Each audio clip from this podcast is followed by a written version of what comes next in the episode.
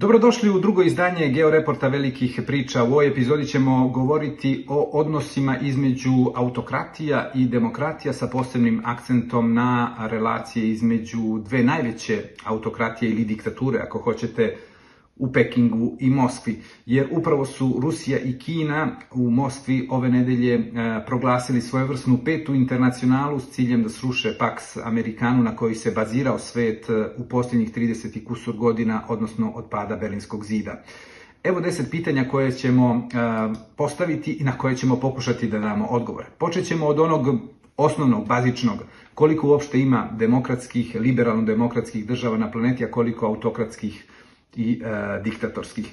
Drugo pitanje je šta je ostalo od 40. bilateralnog samita Xi Jinpinga i Putina. Treće pitanje, zašto Kina želi da sruši Pax Amerikanu i šta je smetalo Rusiji i drugim autokratskim režimima u postojećem svetskom poredku. Zatim, uloga Kine u porastu autokratskih i diktatorskih režima na planeti kao i kakve su njene ambicije. Peto pitanje je ko su megafoni autokratske propagande, kome je ona namenjena i na čemu se bazira. Šesto pitanje je, da li znate da u kineskom jeziku ne postoji odgovarajuća reč za našu saveznik? I šta vam to govori? Sedmo pitanje se odnosi na relacije e, Kine i Rusije kroz vekove, kao i odnos između Xi Jinpinga i Putina i kako on može da se reflektuje na rat u Ukrajini. Osmo pitanje, postoje li razlike u pristupu Kine i Rusiji u realizaciji novog svetskog poredka? Deveto pitanje je ono vezano za ulogu Indije i Turske, dve zemlje koje pretenduju da postanu kontinentalne, pa čak i interkontinentalne sile. I deseto pitanje, gde je pogrešila Evropska unija, odnosno kakva je bila njena uloga u poslednjih deset godina. Pa da krenemo redom, dakle od pitanja koje se odnosi na broj država koje možemo definisati demokratskim, liberalno-demokratskim, diktatorskim ili autokratskim. Od francuske i američke revolucije kada su posejane, možemo da kažemo, klice demokratskih, e, pravnih, građanskih država, e, prvi put se beleži tendencija e, porasta autokratskih, diktatorskih i kleptokratskih režima na planeti. Kada je pao Berlinski zid, na svetu je bilo 39% demokratskih država, 18 su bile takozvane liberalne demokratije, 21% su bile izborne demokratije, dok je 61%, dakle više od tri petine, su bile države sa autokratskim ili diktatorskim uređenjima.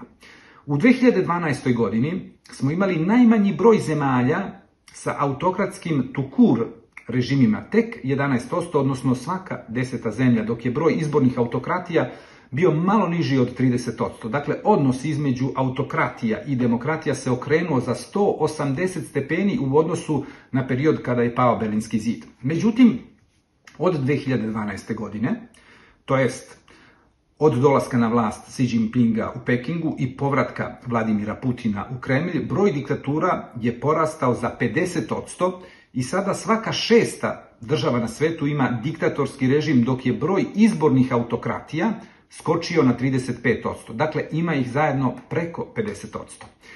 Broj zemalja koje se mogu definisati demokratskim je u slobodnom padu, a pogotovo onih koje nazivamo liberalno demokratskim, jer države u kojima građani uživaju garantovanim slobodima i pravima su svedene na 19% u Ujedinjenim nacijama.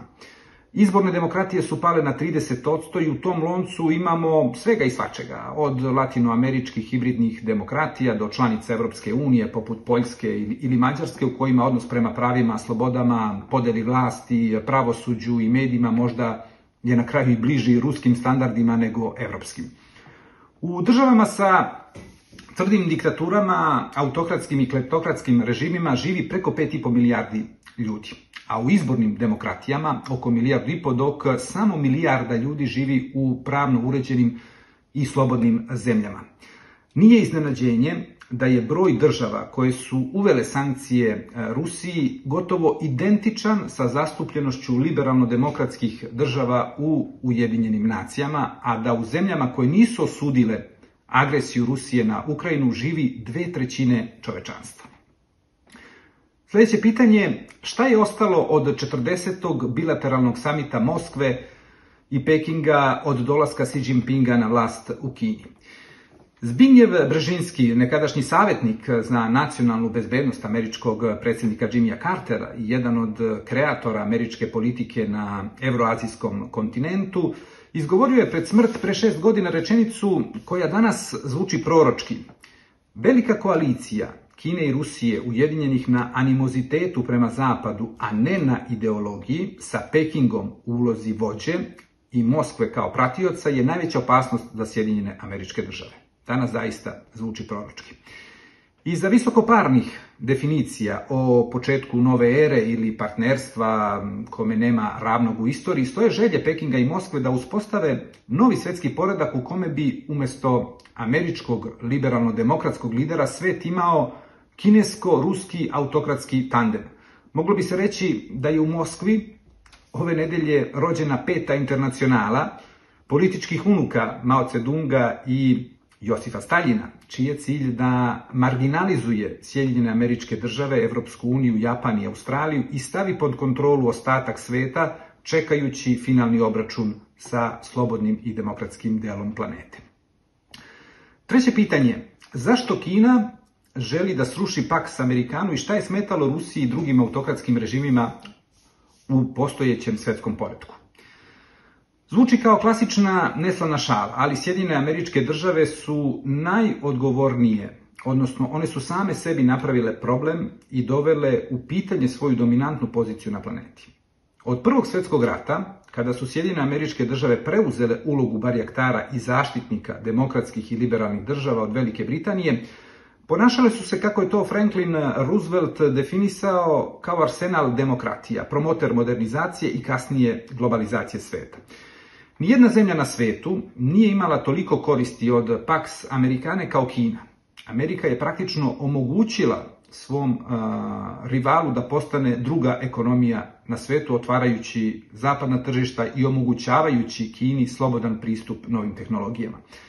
Kina nije nikada u istoriji imala sigurne granice kao u prethodnih nekoliko decenija, što se videlo i kroz minimalnu potrošnju za vojsku sve do pre 20 godina.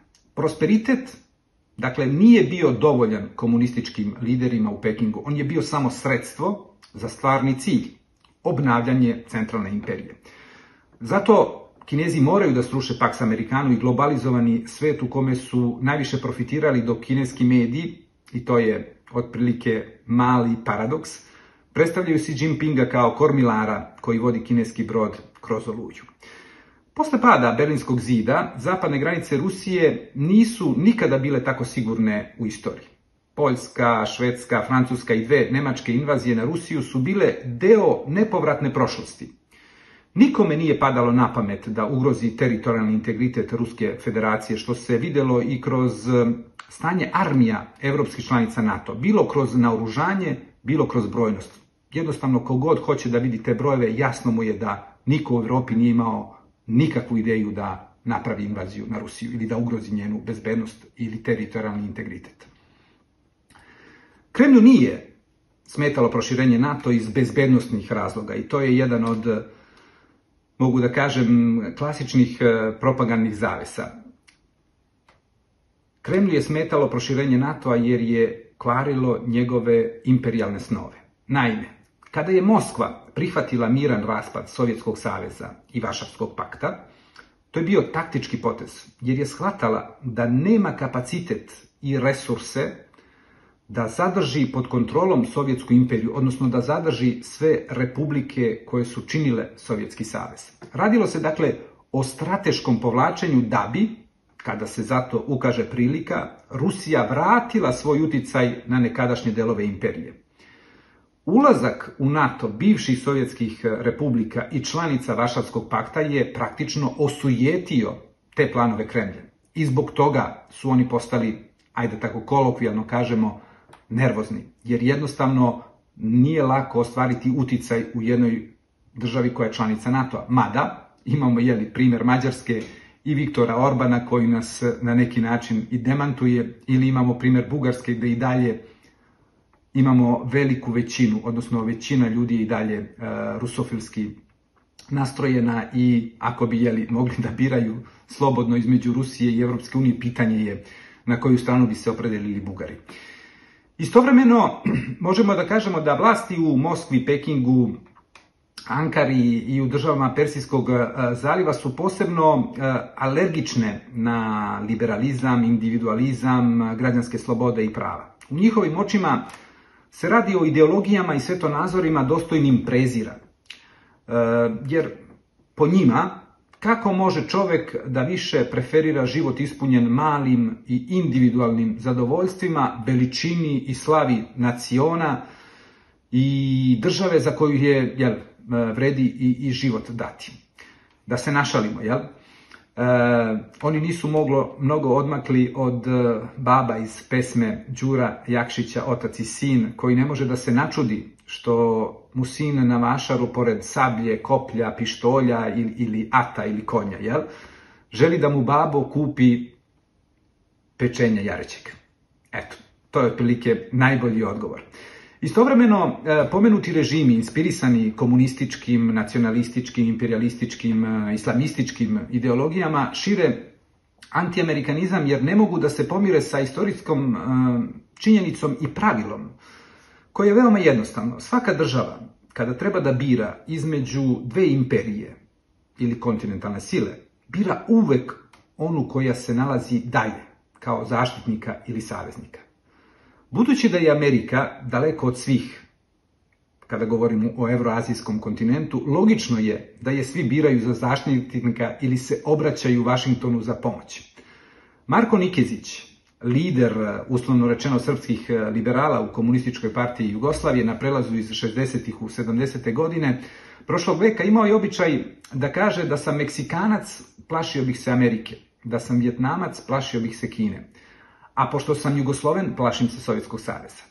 Nije se mnogo odlak, od, odmaklo odatle i možete onda da shvatite i Litvance, i Letonce, i Poljake, i Fince, sve one koji su blize Rusije, zašto se plaše Rusije. Četvrto pitanje. Uloga Kine e, u porastu autokratskih i diktatorskih režima na planeti i njene ambicije. U diplomatskim krugovima u Briselu e, se sve češće čuje e, konstatacija da ako je ruska agresija na Ukrajinu bila tsunami, e, razilaženje Zapada sa Kinom će imati efekat klimatskih promena.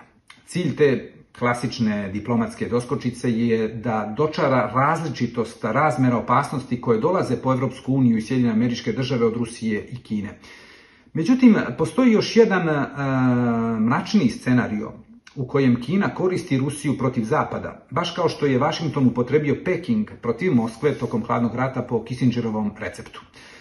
Despotije svih zemalja ujedinite se, mogao bi se u jednoj rečenici opisati program u čiju realizaciju je krenuo kineski predsjednik Xi Jinping iza propagande Pekinga, koliko slatkorečive, toliko i perfidne, o ravnopravnosti država, nemešanju unutrašnje stvari, Režim u Zhongnhaju u stvari predano radi na stvaranju bloka država, takozvanog globalnog juga protiv zapada, odnosno stvaranju svoje sfere uticaja koja bi bila suprostavljena američkoj. De facto podrška Rusiji u agresiji na Ukrajinu, ubrzano naoružavanje i opremanje mornarice koja po brojevima premašuje američku, uspostavljanje hegemonske pozicije u centralnoj Aziji kroz šangajsku organizaciju, i za saradnju, vojna pomorska baza u Džibutima na Moreuzu Bab El Mandeb, e, zatim postizanje načelnog sporazuma u obnovi diplomatskih odnosa između Irana i Saudijske Arabije, pakt stabilnosti sa Solomonskim ostrovima na Pacifiku, produbljivanje e, odnosa i pridobijanje siromašnih država u Africi sa kleptokratskim režimima kroz program Global Development Initiative, snažan upliv u Latinsku Ameriku, Honduras, na primer, e, razmišlja da otprizna Tajvan i uspostavi diplomatske odnose u Pekingu, a kaže se da, iako bude došlo do promene vlasti u Paragvaju, da će i Paragvaj krenuti tim putem. Zatim, ulazak u istočnu i centralnu Evropu kroz program 17 plus 1, koji je među vremenu postao 13 plus 1, zato što su izašle Pribaltičke republike i Poljska e, i na kraju kupovina strateških luka u celom svetu, uključujući i Evropu, grozničava trka da se stavi pod kontrolu svaka strateška i važna primarna materija za nove tehnologije i pokušaj na kraju krajeva da se plasira u što više država kineska 5G mreža, infrastruktura i nove tehnologije, vam daju otprilike ideju i e, stvaraju jasnu sliku o ambicijama Kine da postane svetski hegemon. Ne samo o Kini koja je, eto, tako kako bismo rekli, filantropski nastrojena pa želi da pomogne zemljama u razvoju i celom svetu da postane bolje, vedrije i svetlije i pravednije mesto za sve ljude. Peto pitanje, ko su megafoni autokratske propagande, kome je ona namijenjena i na čemu se bazira? Komunistički režim u Pekingu je krenuo u direktnu diplomatsku ofanzivu da kroz cementiranje neutralnog stava najvažnijih država globalnog juga prema ruskoj invaziji na Ukrajinu, što je u suštini maskirana podrška Moskvi, širi svoj uticaj na uštrb Sjedinjenih američkih država i Evropske unije. Tako se stvara blok država sa hibridnim demokratijama ili autokratskim režimima kao kontrateža Zapadu. Vodeća uloga agitatorske kampanje Pekinga, koja se veoma sviđa Moskvi, ali i drugim režimima u Persijskom zalivu, kao i Ankari samoj, glasi modernizacija ne znači westernizacija.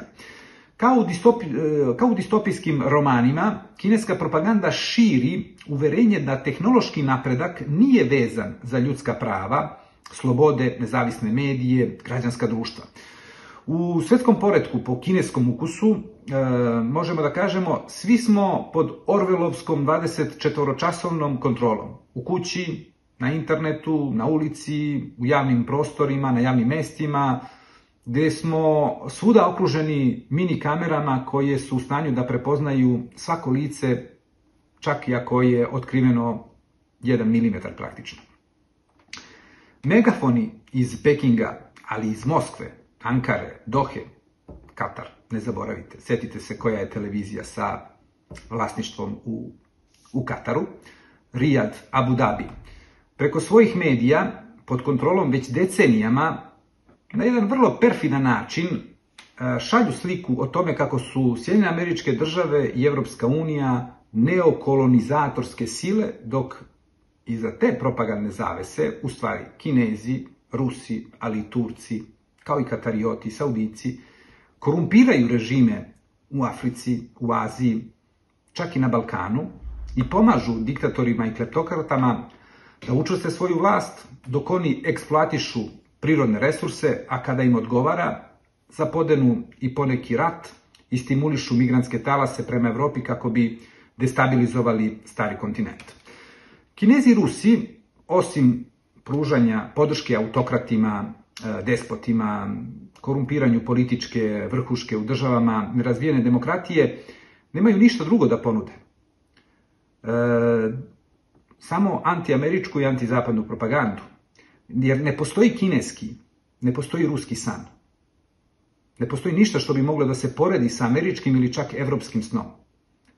Nema na ruskim granicama ili na kineskim hiljade i hiljade ljudi koji rizikuju život da bi stigli u Sjedinjene američke države i u Evropu. Prelazeći mora, prelazeći reke, pustinje, nema prepreke koja može da ih zaustavi da stignu u Evropu i u Sjedinjene američke države. Dakle, tu je ključni problem i to uh, ni u Moskvi, ni u Pekingu ne mogu da objasne i zato se i bave tom vrstom propagande i optuživanja Zapada za dvostruke standarde, za ne znam šta i tako dalje i tako dalje. Sljedeće pitanje. Da li znate da u kineskom jeziku ne postoji reč koja odgovara našoj saveznici? I šta nam to govori? Dakle, u kineskom, odnosno mandarinskom jeziku, pojam koji odgovara našoj reči saveznik e, jednostavno ne postoji. Vrlo prosto. Imperije, a Kina je rođena kao imperija, nemaju saveznike. Pogotovo one koje sebe doživljavaju kao centralne, poput Kine.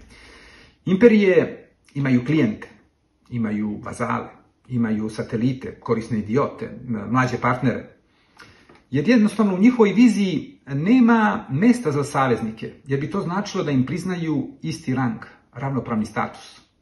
Kina nikoga ne smatra saveznikom. Ko to zaboravi ili previdi, kaj će se gorko, na tenane, bez obzira da li se radi o Moskvi, Brazili, Pretori ili Teheranu ili na kraju krajeva Beogradu.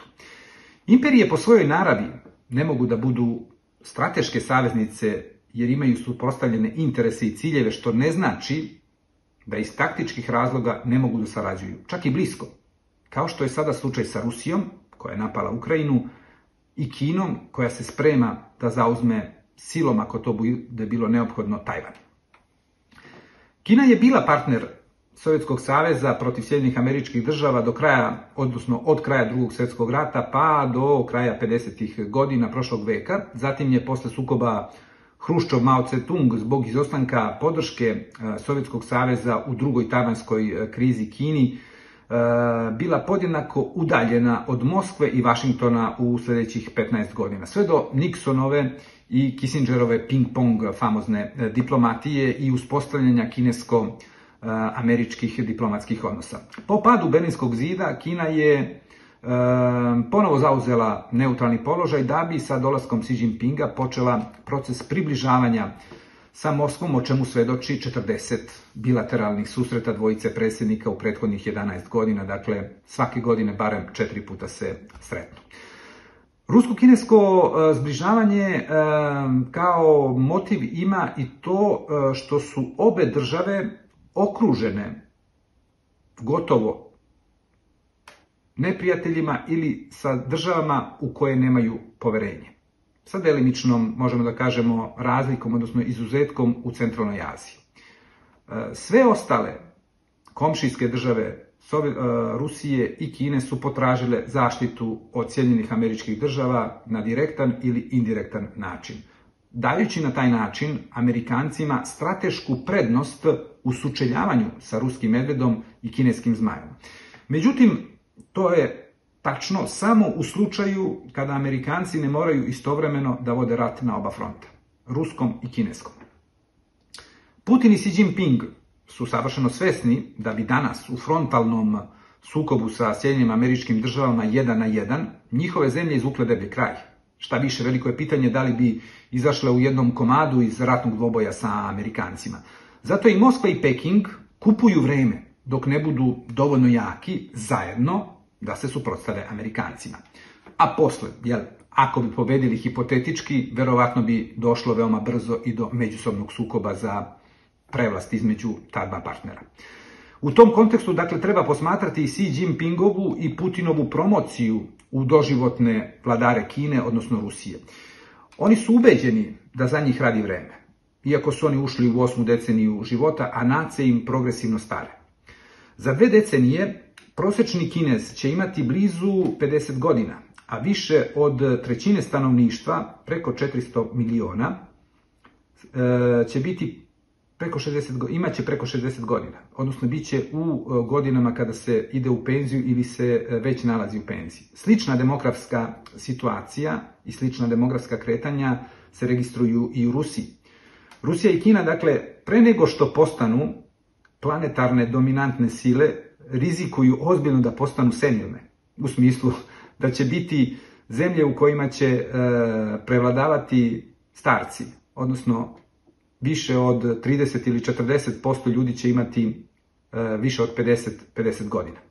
A sa 50-godišnjacima i penzionerima se ne osvaja svet i ne postaje se dominantna planetarna sila i o tome mogu nešto da pitaju Evropljane. Za razliku i od Evropljana i od Amerikanaca i od e, Kineza i Rusa, Amerikanci će ostati ispod 40 godina u proseku i za 30 godina po svim demografskim pokazateljima, što govori o tome da su u Sjedinjenim američkim državama uspeli da pronađu demografsku formulu koja zadržava tu neophodnu, možemo da kažemo, imperialnu limfu koja je veoma bitna za svaku zemlju koja želi da dominira planetom.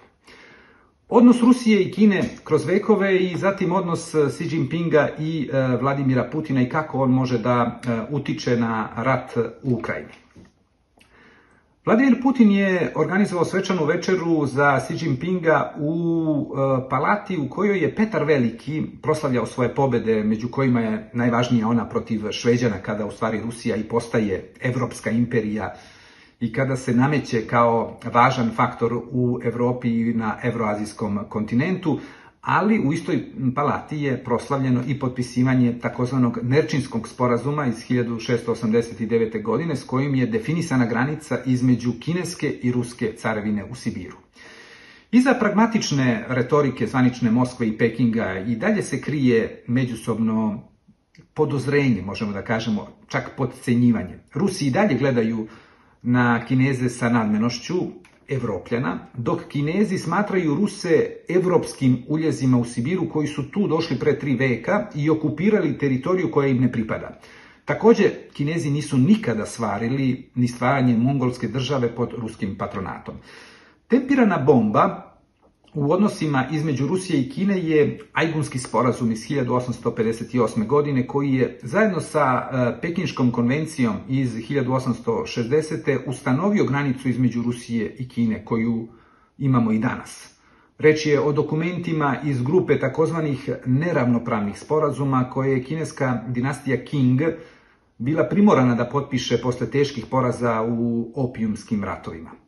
Nikolaj Nikolajević Murajev je dobio titulu grof Amurski jer je isposlovao da carska Rusija dobije slobodan pristup Pacifiku i da ima granicu sa Kinom na reci Amur.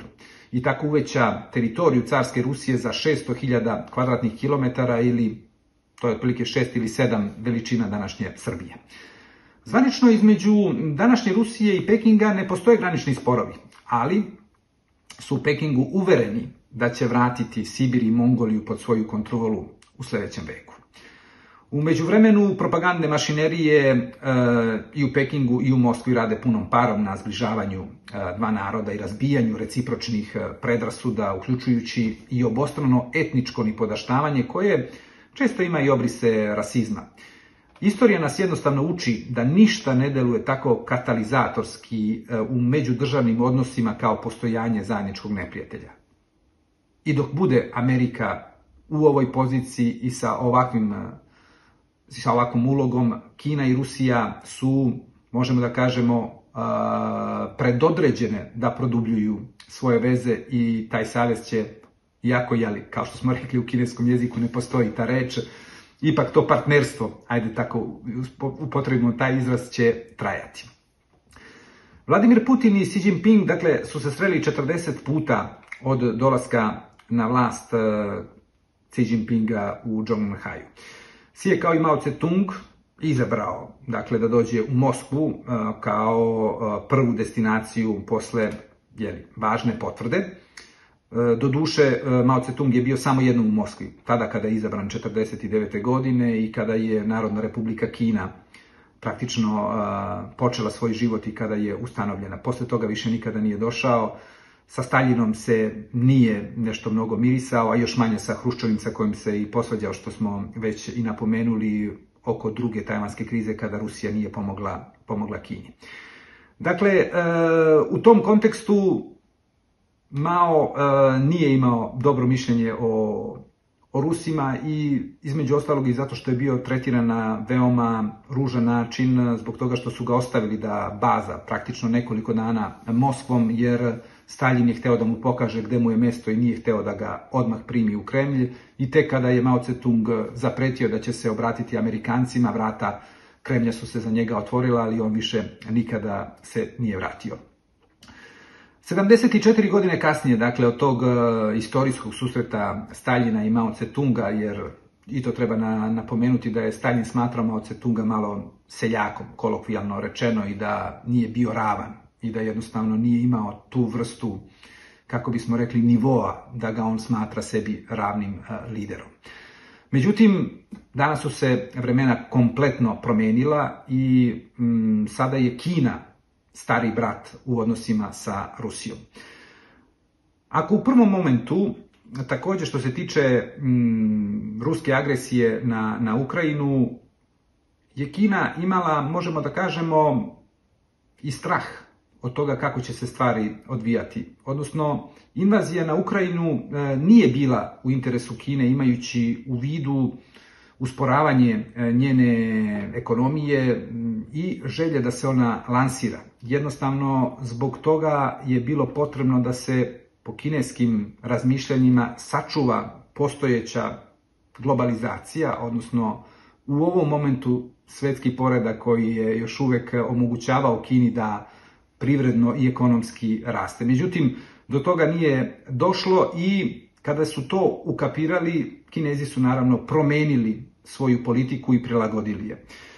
U suštini mi se nalazimo, možemo da kažemo, kao u onoj priči iz Hujancija, reći o jednom tekstu iz drugog veka pre rođenja Hrista u kojoj se prepričava jedna priča koju ste verovatno možda i čuli ako ste gledali film Charlie Wilson, kada, rat Charlie Wilsona, kada agencije Charlie Wilsonu priča priču o dečaku i konju. U stvari, priča je prerađena iz upravo te, iz te možemo da kažemo, pripovetke iz Hojancija jer se radi o jednom mudracu iz sela koji živi na granici i koji je izgubio konja i čitavo selo dolazi jeli, da, da ga teši, ali im on odgovori da, ko zna, možda je to i dobar predznak. Posle nekoliko meseci konj se vraća sa krdom divljih konja i čitavo selo dolazi pred kuću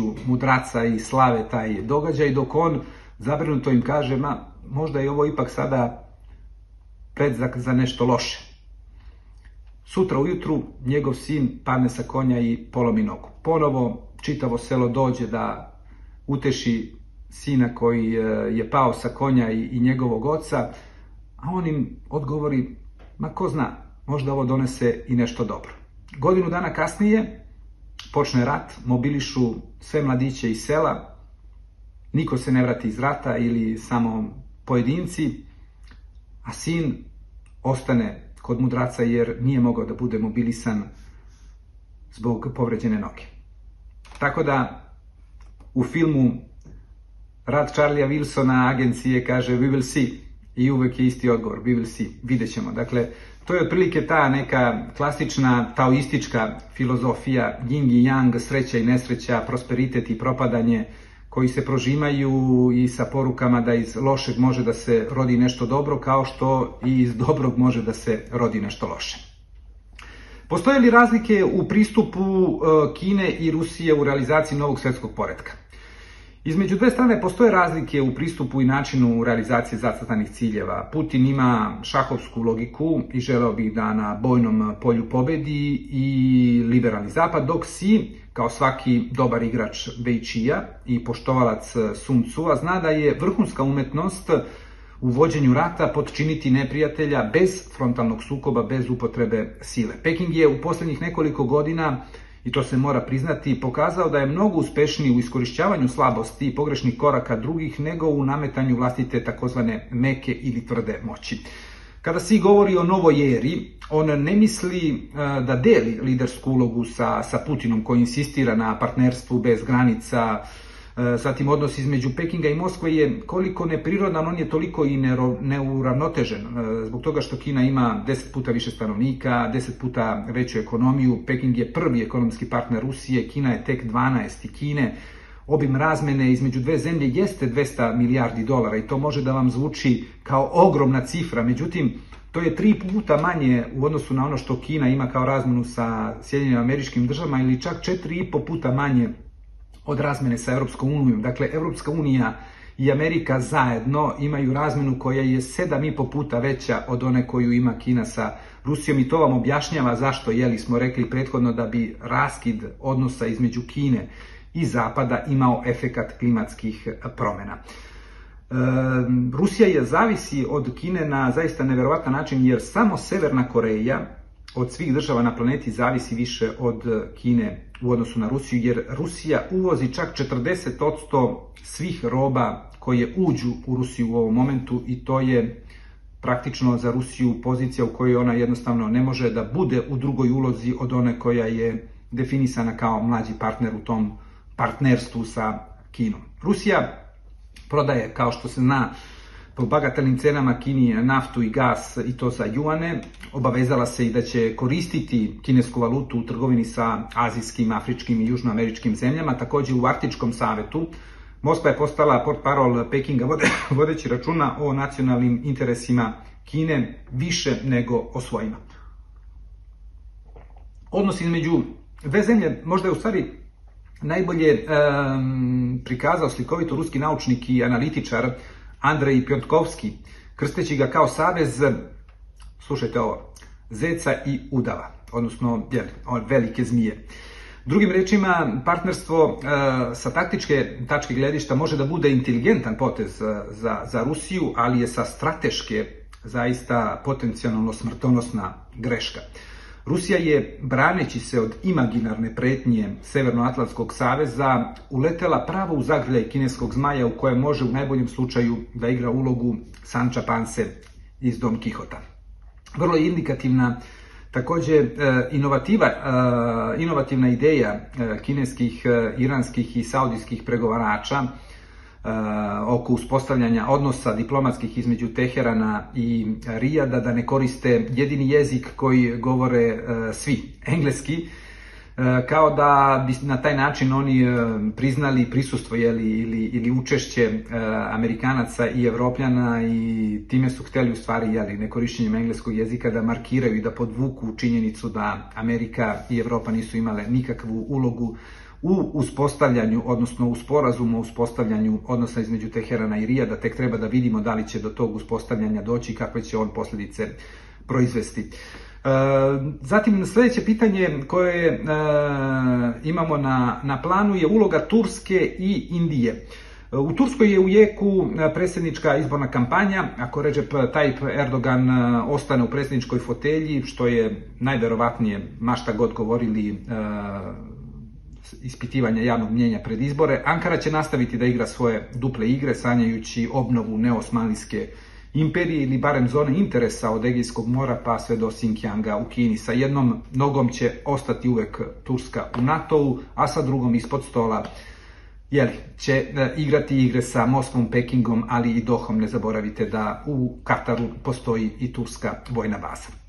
U sledećih nekoliko godina, i na ovo treba obratiti pažnju, Indija će izrasti u novog e, planetarnog veoma važnog igrača, ako ništa drugo na kontinentalnom nivou, odnosno bikontinentalnom nivou, jer New Delhi je sve aktivnije e, uključen u velike međunarodne događaje, u velika međunarodna pitanja, traži svoje mesto. Indija je postala u ovoj godini najmnogoljudnija zemlja i ona je prirodni neprijatelj Kine i Pakistana i e, to neće biti lako promeniti i NATO će upravo da igraju Sjedinjene američke države. Nije e, iznenađenje da Indija čini deo kvada zajedno sa Sjedinjenim američkim državama, Japanom i Australijom u kontekstu obuzdavanja e, Kine.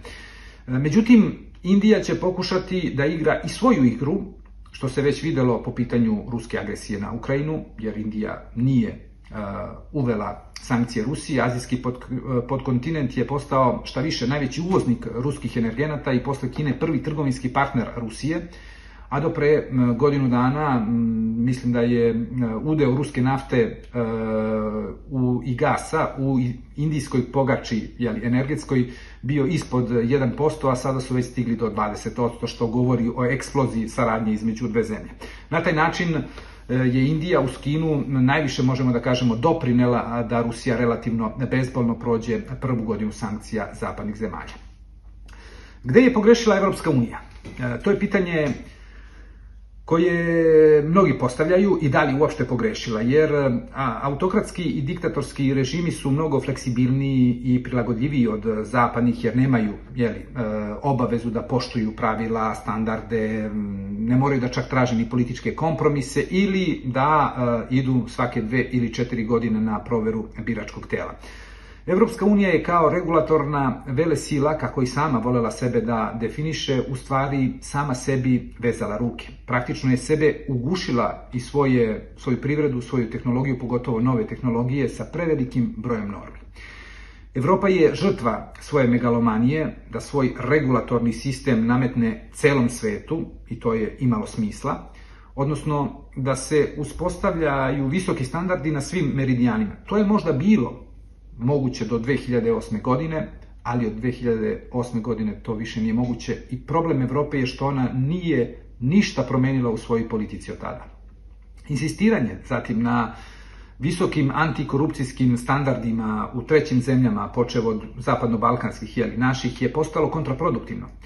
Novac koji je Evropska unija već odvojila ne može e, da bude povučen u mnogim slučajevima upravo zbog tih antikorupcijskih mera i na taj način Evropska unija otvara prostor investitorima kao što je Kina, kao što je Rusija, kao što su zemlje iz Persijskog zaliva.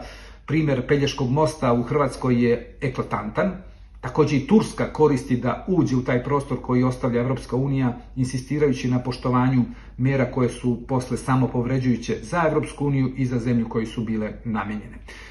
Zapad i liberalni kapitalizam, e, podsjetimo, su dobili partiju sa sovjetskim centralističkim sistemom i planskom ekonomijom u drugoj polovini 20. veka.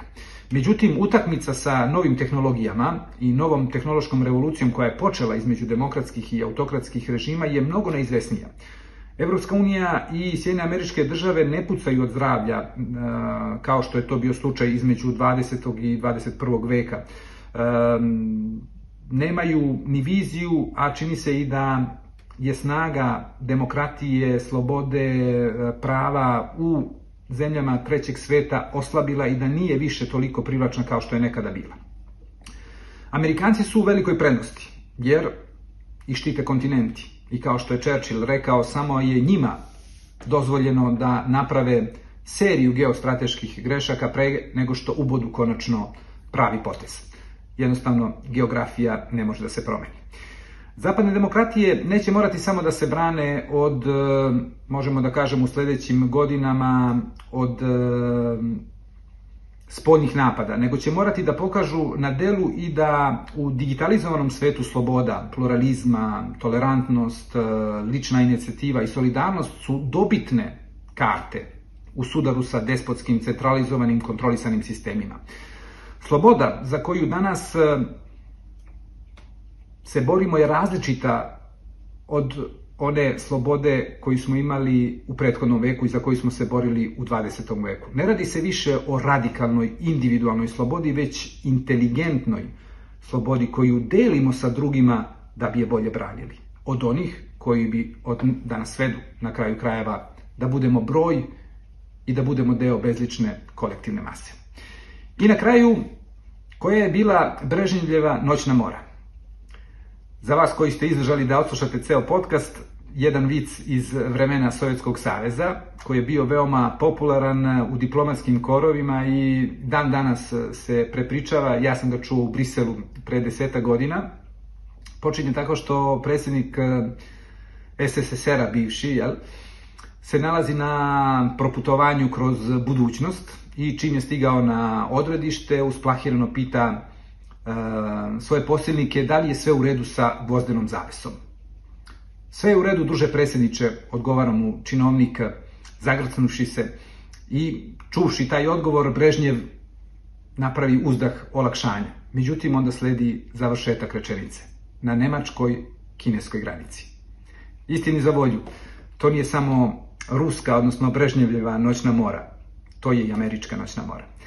Hvala vam što ste slušali drugu epizodu podcasta Georeport velikih priča.